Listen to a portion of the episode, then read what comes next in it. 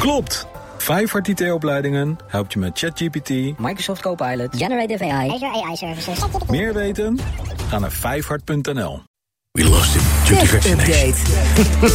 Zo gaat dat. We gaan naar Conor Klerks. Die is bij ons voor de tech-update. Conor, goedemorgen. Goedemorgen, Bas. Een enorme collectieve data-aanvraag bij techbedrijven. Vertel, waar gaat het over? Ja, opmerkelijk uh, verhaal zo in de komkommertijd. Zo'n 65.000 mensen die vragen vandaag samen aan drie grote techbedrijven... welke persoonlijke gegevens over hen worden verzameld.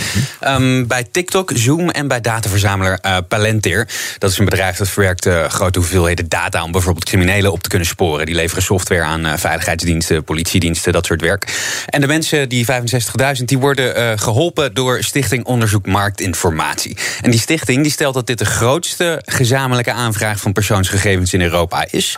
Over een paar weken volgt een uh, tweede ronde, een tweede aanvraag namens andere mensen. En het is nog niet bekend hoeveel Nederlanders er nou bij die 65.000 zitten. Oké, okay. wat is het doel van die aanvraag precies? Nou, Somi zegt dat ze willen weten welke gegevens de bedrijven verzamelen, ja. die worden bewaard en ook met wie die worden gedeeld. En daaruit zou dan duidelijk moeten worden of die bedrijven, die genoemde bedrijven, de Zoom, TikTok en Palantir, zich aan de Europese privacyregels houden. Um, de bedrijven die hebben een maand de tijd om antwoord te geven. Ja, maar Somi, die, die, die stichting en TikTok hadden het in juni, ben ik ook al over, toch? Ja, dat klopt. Begin juni uh, kondigde de stichting aan dat ze namens tienduizenden ouders een schadeclaim gingen indienen bij TikTok. Ja. Somi uh, eist een bedrag dat naar eigen zeg op zou kunnen lopen tot 1,4 miljard euro. En dat uh, zit zo. Die ouders die, zijn van mening dat TikTok de veiligheid en privacy van hun kinderen niet goed nee, waarborgt. Want die kinderen die zouden een account kunnen openen terwijl het helemaal niet mag op hun leeftijd. Hè? Exact. En uh, deze nieuwe data-aanvraag die zou wel losstaan van de eerdere zaak, uh, ja. zegt Somi. Proberen we ze later in deze uitzending even meer over te vragen. Ze richten hun pijlen weer op TikTok, maar nu op een andere zaak.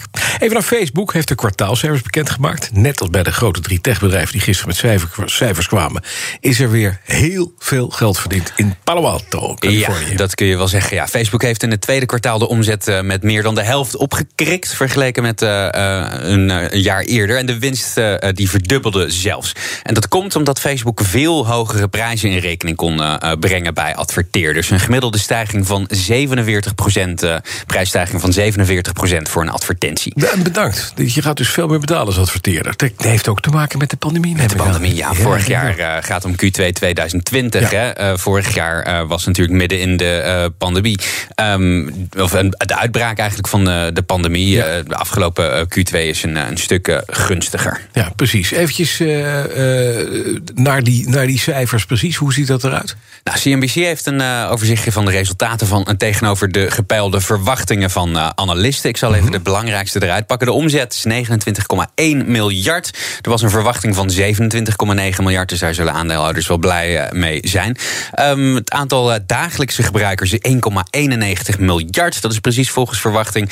En de omzetgroei is 56 procent. En dat is de sterkste groei bij Facebook sinds 2016. Maar 1,9 miljard dagelijkse gebruikers. Het is nog wat, hè? Ja. De, hoewel dat aantal gebruikers zal iets minder hard zijn gestegen dan de omzet. Dat ja, zeker. Nu ook, ja. ja, wereldwijd uh, um, kun je kijken ook naar maandelijkse cijfers. zijn nu 2,9 miljard mensen uh, maandelijks actief. En tel je daar WhatsApp en Instagram bij op, dan wordt dat uh, 3,5 miljard. En dat is wel een, een flinke stijging, 12 procent. Maar het valt natuurlijk totaal nog niet bij die gigantische omzet- en winststijgingen. Mm -hmm. Facebook waarschuwt ook dat het de komende tijd gedaan is met de sterke groeicijfers. En dat mm -hmm. komt deels omdat de zaken in het derde kwartaal vorig jaar al veel beter gingen dan in het tweede kwartaal vorig jaar. Dus dat verschil zal minder groot zijn als je een jaar verder kijkt. Maar er zijn ook uh, andere redenen voor mindere groei.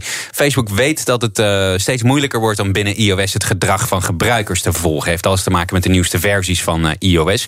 Daarin moeten gebruikers toestemming geven ja. om gevolgd te worden. Nou, hoe langer um, dat systeem in stand is, hoe meer mensen die updates zullen doen en hoe meer mensen op nee zullen gaan klikken. Want ja. Uit Amerikaans onderzoek uh, eerder dit jaar zagen we dat eigenlijk niemand hierop zit te wachten. Als ze de vraag krijgen, dan klikt bijna iedereen lekker op nee. En dat zal het een stuk makkelijk of moeilijker maken om uh, heel gericht te adverteren voor uh, Facebook. En ook staat het verdienmodel van Facebook in Europa een beetje onder druk door een oordeel van het Europees Hof van Justitie. Dat Hof dat oordeelde vorig jaar dat de uitwisseling van persoonsgegevens tussen de VS en de EU niet op de juiste manier gaat. En dat zal het ook weer moeilijker maken om EU-gebruikers te volgen. Dat ja. is goed nieuws voor ons en slecht nieuws uh, voor Palo Alto. Ja, dat zou ik zeggen. Want nou, we kunnen maar één ding zeggen naar die, uh, uh, de orde van het Hof. Dat mag niet. Inderdaad, dankjewel, Conor. De BNR Tech Update wordt mede mogelijk gemaakt door Lenklen. Lenklen. Betrokken expertise, gedreven resultaat. Klopt. Dit is het moment om te starten met AI. Leer het in één dag met Vijfhart. Meer weten? Ga naar vijfhart.nl.